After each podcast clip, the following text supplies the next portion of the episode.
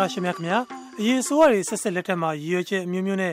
တာမန်ရက်သားတွေကအစတက်ကြွလှုပ်ရှားသူတွေအစုံအဖမ်းခံအစည်းခံအာဏာပိုင်တွေရဲ့အရေးယူတာတွေခံရပြီးတော့ကန့်ကွက်ဆန္ဒပြတာတွေတွေ့ခဲ့ရပါတယ်အခုအခါဒီမိုကရေစီပြုရင်ပြောင်းလဲရေးတွေလုပ်မဲ့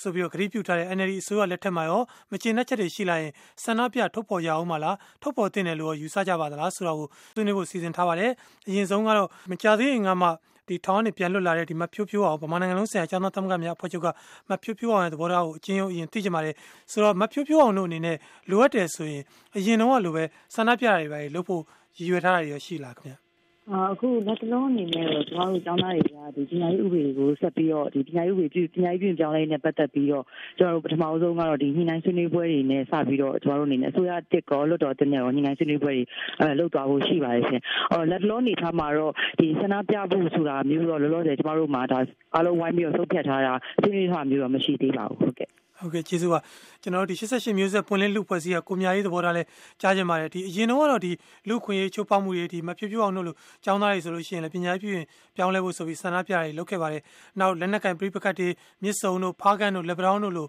ဒီဖွံ့ဖြိုးရေးစီမံကိန်းတွေနဲ့ပတ်သက်တဲ့ကိစ္စမျိုးတွေနောက်တနိုင်ငံလုံးမှာဖြစ်ခဲ့တဲ့မြေသိမ်းရသိမ်းကိစ္စတွေမှာဆန္ဒပြတာမျိုးတွေတွေ့ခဲ့ရတယ်ဆိုတော့ဒီအခုအစိုးရသစ်လက်ထက်မှာရော ဒီလိုအလားတူကိစ္စမျိုးတွေဒါမှမဟုတ်လေတခြားအကြောင်းအရာမျိုးတွေနဲ့ဆန္ဒပြတဲ့အခြေအနေမျိုးတွေဟိုတွေ့ရမယ့်အလားအလာတွေဘယ်လောက်များမြင်မိလဲကိုမြကြီးကျွန်တော်မြင်တာကတော့လေအရင်တော့အစိုးရပုံစံနဲ့အခုတက်လာတဲ့အမျိုးသားဒီမိုကရေစီဖွဲ့ချုပ်အစိုးရပုံစံနဲ့တော့မတူဘူးလို့ထင်တယ်လေဒါဆိုဘာဖြစ်လဲဆိုတော့အမျိုးသားဒီမိုကရေစီဖွဲ့ချုပ်အစိုးရထဲမှာပါနေတဲ့လူတွေကိုယ်တိုင်ဒီပဲလေတစ်ချိန်တော့ဆန္ဒပြခဲ့တဲ့လူတွေဖြစ်တယ်တိုင်းပြည်ရဲ့ဒီမိုကရေစီထွန်းကားရေးတွေဆန္ဒပြခဲ့တဲ့လူတွေဖြစ်တယ်အလုပ်သမားလယ်သမားလူရန်စားအလွှာအသီးသီးလူတွေလည်းဖြစ်တယ်ကျွန်တော်မြင်တာကတော့အဲ့တော့ ဒါကဒီတိုင်းပြည်မှာဖြစ်နေတဲ့အလုပ်သမားပြဿနာလယ်သမားပြဿနာကျောင်းသားပြဿနာပညာရေးဥပဒေအစလို့အစရှိတဲ့တိုင်းပြည်ချွင်းချက်အစုံစုံကိုဒီ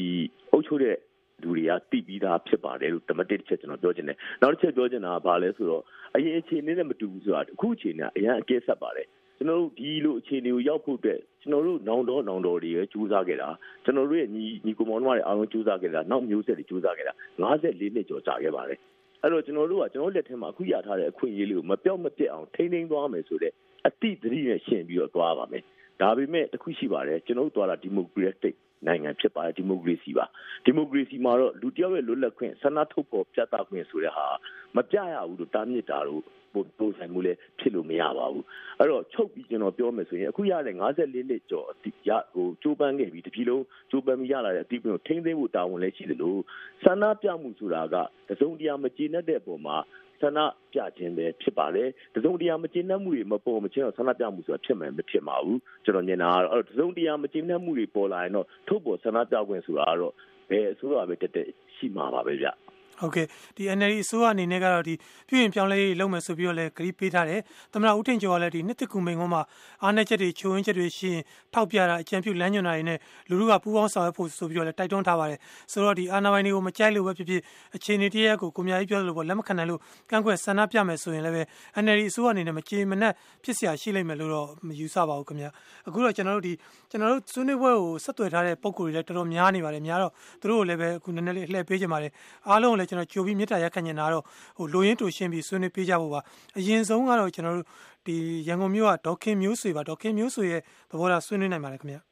ဟုတ်ကဲ့ပါဒီနေ့ဆွေးနွေးမဲ့အကြောင်းအရာတွေကိုလေအခြေအနေအချိန်ခါမကြည့်ဘဲနဲ့ပြောမယ်ဆိုလို့ရှိရင်တော့အရင်ကအာနာရှင်လက်ထက်မှာအောင်မှာပဲလေဟိုဆန္ဒပြလို့ရှိရင်ဖမ်းမယ်စီးမယ်အပြစ်ပေးခံရမယ်ဆိုတော့တိတိနဲ့မကြောက်မရွံ့လန်းနေပေါ်ထွက်ပြီးတော့မှဆန္ဒပြခဲ့ကြတာပေါ့နော်အခုအရက်သားဒီမိုကရေစီဆိုရလက်ထက်မှာဆိုလို့ရှိရင်တော့မကျေနပ်တာရှိရင်ဘာဖြစ်လို့ဆန္ဒမပြရဘဲနေရမှာလဲလို့ပဲပြောရမှာပေါ့ကျွန်တော်အခုတခါတော့ဒီပေးစာတချို့တွေပေးပို့ထားတာလည်းရှိပါတယ်ဒီနေ့မှာချားဖြတ်ပြီးဖော်ပြကြပါတယ်တယောက်ကတော့ကျွန်တော်အောင်စရာထွန်းထွန်းဆိုပြီးကျွန်တော် Facebook ကနေတဆင့် message ပေးပို့ထားတာပါသူကတော့လက်ရှိအစိုးရအယက်သားအစိုးရပါတဲ့ဒီမိုကရေစီစနစ်ကိုပေါ်ဆောင်နေရလဲစတွေ့နေရပါပြီတဲ့ပြည်သူလူထုတွေပြောနေတာလဲဒီမိုကရေစီဆိုတော့ဆန္ဒပြတောင်းဆိုနေစရာမလိုဘူးတဲ့ပူပေါင်းညီနိုင်လို့ရနေပါပြီစစ်ဘက်ကလာတဲ့သမရမဟုတ်တော့ဘူးလေဗျာတဲ့ရည်ရွယ်ချက်တူရမယ်စေနာမှန်ရမယ်ဒီလိုပဲကျွန်တော်အနေနဲ့ပြောချင်ပါတယ်တဲ့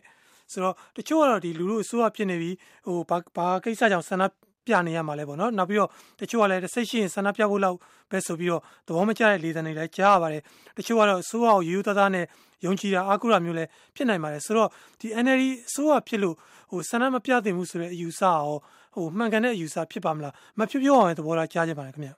ဟုတ်ကျမအနေကျမအမြင်ပေါ့နော်ကျမအမြင်ကဒါတကယ်ဆိုလို့ရှိရင်ဒီငင်းစွာစီတန်းလေလေဒါစီတန်းလေတွေကပါမယ်နောက်ဆိုစုဝေးပေါ့နင်းလာစုဝေးခွင့်တွေပါမယ်ဒါကလူခွင့်ရဲ့အခြေခံစံနှုန်းဖြစ်ပါတယ် အဲ့တော့မတူညီအောင်လက်ခံတာကဒီမိုကရေစီရဲ့အနှစ်သာရလို့ကျွန်တော်တို့မြင်တယ်ဟိုကျွန်တော်တို့အခုပြောပြောနေ2008ဖွဲ့စည်းပုံ2008ဖွဲ့စည်းပုံဆိုတာလုံးဝဒီမိုကရေစီမဆန်ဘူးလို့ကျွန်တော်တို့အမြဲဟိုပြောရဲအဲ့တော့2008ဖွဲ့စည်းပုံလို့ပြည်သူ့အုပ်ချုပ်ပုံချင်းဥပဒေထဲမှာတော့မှနင်းရတာစီရေးစီတန်းလှည့်လည်ခွင့်ကိုထည့်သွင်းရေးထားရတာဖြစ်တဲ့အတွက်ကြောင့်မို့လို့ဒါကျွန်တော်တို့တကယ်အစိုးရကလက်လန်းမမီရဲ့ဟိုအလန်းဝေးရဲ့ကိစ္စရဲ့တိမ်မှာဒီရင်းနှီးတော်ဆန္ဒထုတ်ဖော်မှုတွေကရှိကောင်းရှိနိုင်မှာသေးတယ်။ဆိုတော့ဒါတွေကလည်းတစ်ဖက် တစ်ဖက်သောနည်းလမ်းအချင်းဒါဟိုအစိုးရသိလာအောင်ပေါ့နော်မီဒီယာရဲ့တဆင့်ဖြစ်ဖြစ်အစိုးရသိလာအောင်ဒါအစိုးရကိုလှမ်းပြီးတော့ဟိုဒါဟို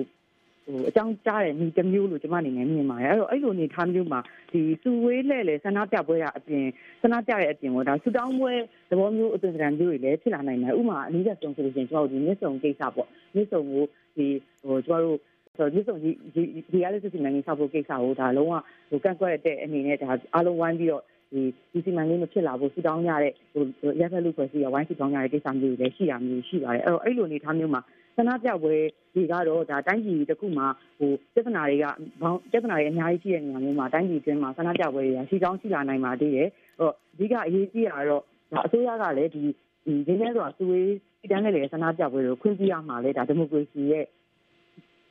ဒီမိုကရေစီရဲ့အခြေခံသဘောတရားပေါ့နော်အဲ့တော့ကျမတို့အနေနဲ့ကလည်းအခုလက်ရှိဒီမိုကရေစီတိုင်းပြည်ကိုတည်ဆောက်နေတဲ့အစိုးရအဖွဲ့ကလည်းခွင့်ပြုလိမ့်မယ်လို့ကျမတို့လည်းယုံကြည်တယ်ဥပမာအပြင်ဆိုလို့ရှိရင်ပြီးခဲ့တဲ့ဟိုဦးသိန်းစိန်အစိုးရလက်ထက်တုန်းကလွှတ်တော်မှာပေါ့နော်ဒီအမျိုးသားဒီမိုကရေစီဖွဲ့ချုပ်ကပြည်သူ့တော်ကိုလည်းဒေါက်ခင်ဆန်းလိုင်ကနေပြီးတော့ဒီ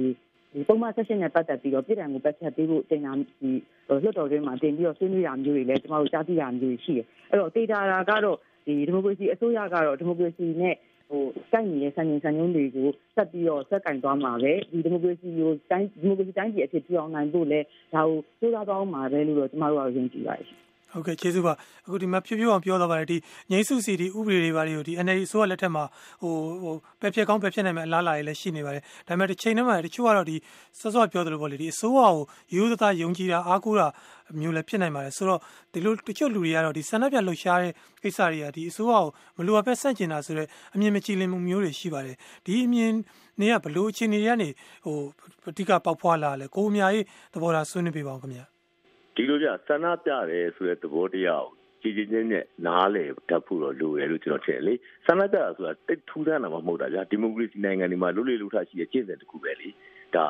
ဟိုအစိုးရတော်ဒီတန်နေနားထောင်ရမှာပဲနောက်တစ်ခုကနိုင်ငံတော်သမ္မတကြီးရဲ့နှစ်တကူတဝန်လာမှာပါပြီးပြီလေဗျာနိုင်ငံတော်သမ္မတကြီးကိုယ်တိုင်ကဒါလမ်းဖွင့်ပေးထားတဲ့အခြေအနေတွေကျွန်တော်တို့သွားတွေ့တယ်ဒါနှစ်တကူတမှာဝေဖန်ထောက်ပြပါဟုတ်တယ်မအကြံပြုလမ်းညွှန်မှာပူးပေါင်းဆောင်ရွက်ပါအကုန်ပြောထားတယ်ဗျာဆိုတော့ ကျွန်တော်ပြောကြတယ်တစ်ဖက်ကကျွန်တော်ပြောတဲ့အထဲမှာပါပါတစ်ဖက်က54နှစ်ကျော်ကျိုးပန်းလာတဲ့အတီးပွင့်ပေါ့နော်ဒါဒီအစိုးရကျွန်တော်တို့ရဲ့အတီးပွင့်အားလုံးရဲ့အတီးပွင့်ပါအလားတူပဲဒီအစိုးရထဲမှာပါနေတဲ့လူတွေကိုလည်းတစ်ချိန်တော့ဆန္ဒပြခဲ့လူတစ်ချိန်တော့ထောင်ချခဲ့တဲ့လူတွေကြ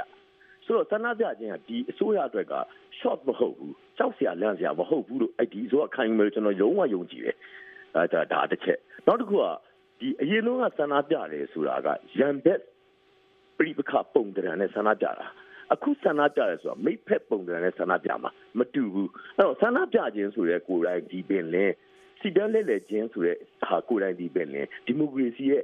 စံချိန်စံနှုန်းစံထားတွေမှာပါတယ်အဲ့တော့အစိုးရကိုယ်တိုင်ကလည်းစံဒီမိုကရေစီစံချိန်စံနှုန်းစံထားတွေနဲ့ကိုက်တည်တဲ့ဖွဲ့စည်းအုပ်ချုပ်ဖို့အခြေခံဥပဒေဖြစ်အောင်ပေါ်ဆောင်သွားမယ်လို့နိုင်ငံတော်သမ္မတကြီးကလည်းပြောမင်းကုန်းတွေမှာပြောထားပြီးဖြစ်တယ်အဲ့တော့ခုနကဆန္ဒမပြပါနဲ့ပြပါနဲ့ဆိုတာ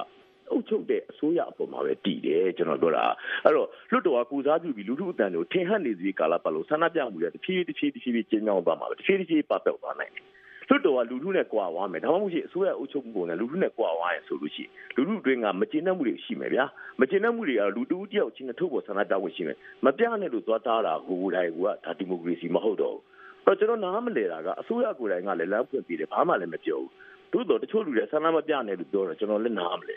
အဲ့ဒါနောက်တစ်ခုနားလည်ထားရမယ်ကိစ္စဒီအခုဆန္ဒပြခဲ့တာပြခဲ့ရင်တောင်မှဒီဆန္ဒပြတာမိတ်ဖက်ဖြစ်သွားပြီရံဘက်မဟုတ်တော့ဘူးအဲ့ဒါကိုတော့ကောင်းကောင်းနားလည်ထားဖို့လိုတယ်အဲ့တော့ဆန္ဒပြတဲ့သဘောတရားမကြည်ညက်ပဲဆန္ဒပြတာဒီအစိုးရကိုဆန့်ကျင်တာအစိုးရကိုဖြုတ်ချဖို့လှုပ်တာဆိုတဲ့အတွေးတွေရှိနေမယ်ဆိုရင်တော့မြန်မာပြည်ရဲ့ဒီမိုကရေစီရေးကတကယ်ကိုရင်လေးစရာဖြစ်လာလိမ့်မယ်ဒါပါပဲဗျဟုတ်ကဲ့ကျေးဇူးပါဆက်သွယ်ထားတဲ့တော်တာရှင်တချို့လည်းအလှည့်ပေးခြင်းပါတယ်ကိုသိန်း ထွန်းအောင်ဖြစ်ပါတယ်ဒီကမ်ဘလူမျိုးပါသူကတော့သူကိုယ်တိုင်ဒီဟိုမြေသိမ်းရသိမ်းခံထားရတဲ့ပုံကိုတရားလို့လည်းဆိုပါတယ်ကိုသိန်းထွန်းအောင်သဘောထားဆွေးနွေးနိုင်ပါတယ်ခင်ဗျဟုတ်ကဲ့ခင်ဗျဟောကျွန်တော်ကဟောပါအရင်ဆုံးပေါ့ပြောချင်တာတော့ဒီမိုကရေစီဖြစ်လာပြီဆိုတော့ကျွန်တော်တို့ကဟိုစစ်ဆေးရလက်ထက်တုန်းကတော့ကျွန်တော်တို့အသေးကြီးလိုပဲတိုင်းပြည်ငြိမ်းတာပေါ့နော်ဒီမိုကရေစီဆိုရဖြစ်လာပြီဆိုတော့ကျွန်တော်တို့လူရှင်ပုံစံမျိုးဖြစ်သွားပြီဆိုတော့ဟိုသူကသူဆိုရဘလောက်ပဲကောင်းတာလုပ်လို့ဟိုဆန္ဒပြလူတွေဆိုတော့သူတို့မှရှိတိုင်မျိုးရှိတယ်လေနောက်ကျော်ဆိုရနေက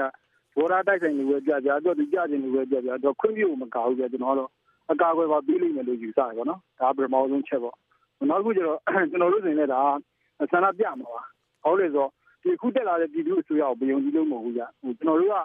ညီသိန်းနေဆိုတာက MEC ကတိန်းတာကြ MEC ဆိုတာစစ်တပ်ကတော်တော်မှာကျွန်တော်အားလုံးမယုံရတာကဒီတက်မတော်နေကဒီပြည်သူ့အစိုးရရဲ့အမေကိုတကယ်နာခံမလားမနာခံဘူးလားဆိုတာကျွန်တော်တို့ကဒီကြည့်ပြမပြောနိုင်ဘူးနော် အဲ့တော့ကျွန်တော်တို့ကဒီအစိုးရကိုဆိုတဲ့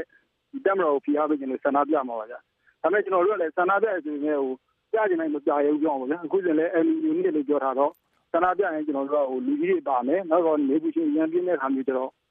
ဟိုကျမ်းမာရေးထိခိုက်တာတွေပါမယ်ဗျအဲကြောင့်လို့ကျွန်တော်တို့ကဒါတွေလည်းချိန်နေတကယ်တကယ်လူဝတ်တဲ့ဟာမျိုးဆိုတော့ကျွန်တော်တို့ကဆန္ဒပြမယ်ပေါ့ဒါလို့မလူဝတ်နဲ့ဆန္ဒပြရင်ကျွန်တော်တို့ကဘာဖြစ်မလဲဆိုတော့ဒါလူလဲတင်မှမယ်အချိန်လေးကုန်မယ်ကျမ်းမာရေးလည်းထိခိုက်နေပေါ့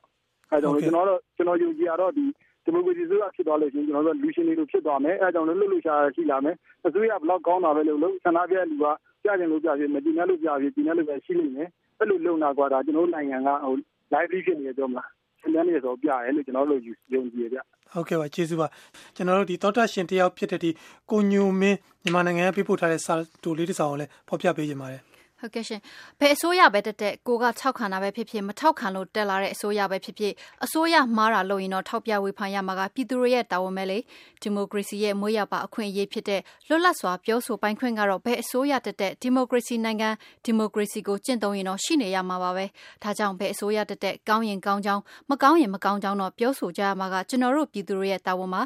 ငါတို့တင်တဲ့အစိုးရဖြစ်လို့မပြောဘူးလို့လုပ်နေရင်တော့ဂိုင်းကနဆွဲဖြစ်ပါလိမ့်မယ် NLD အစိုးရဘယ်ပုံဘယ်နည်းလုပ်မလဲတော့စောင့်ကြည့်ရမှာပေါ့သူမားရင်တော့မာကြောင်သူ့လုပ်ပုံကိုကြည့်ပြီးဝါရဆွဲမထားပဲထောက်ပြဝေဖန်ရမှာကတော့ရှိကိုရှိရမှာပါပဲလို့ရေးထားပါတယ်ရှင်ဟုတ်ကဲ့ကျေးဇူးပါခင်ဗျအခုတော်တာရှင်တွေဆွေးနွေးတဲ့ထဲမှာလည်းပါသွားပါတယ်အခုဒီ NLD အစိုးရကိုတိုက်ရိုက်မဟုတ်ရင်တော့မှဒီအုပ်ချုပ်ရေးအာဏာပိုင်တို့စစ်တပ်တို့ရဲတို့လိုအဖွဲ့အစည်းတွေပေါ်မကျေနပ်ချက်တွေဆန္ဒပြတာမျိုးတွေကလည်းရှိကောင်းရှိနိုင်ပါတယ်ဆိုတော့ဒီလိုအခြေအနေမျိုးတွေမှာရောဟိုဆန္ဒပြလာမဲ့အလားလာမျိုးတွေကိုဘယ်လောက်များမြင်မိလဲမဖြိုးဖြိုးအောင်သဘောထားဆွေးနွေးပြအောင်ခင်ဗျ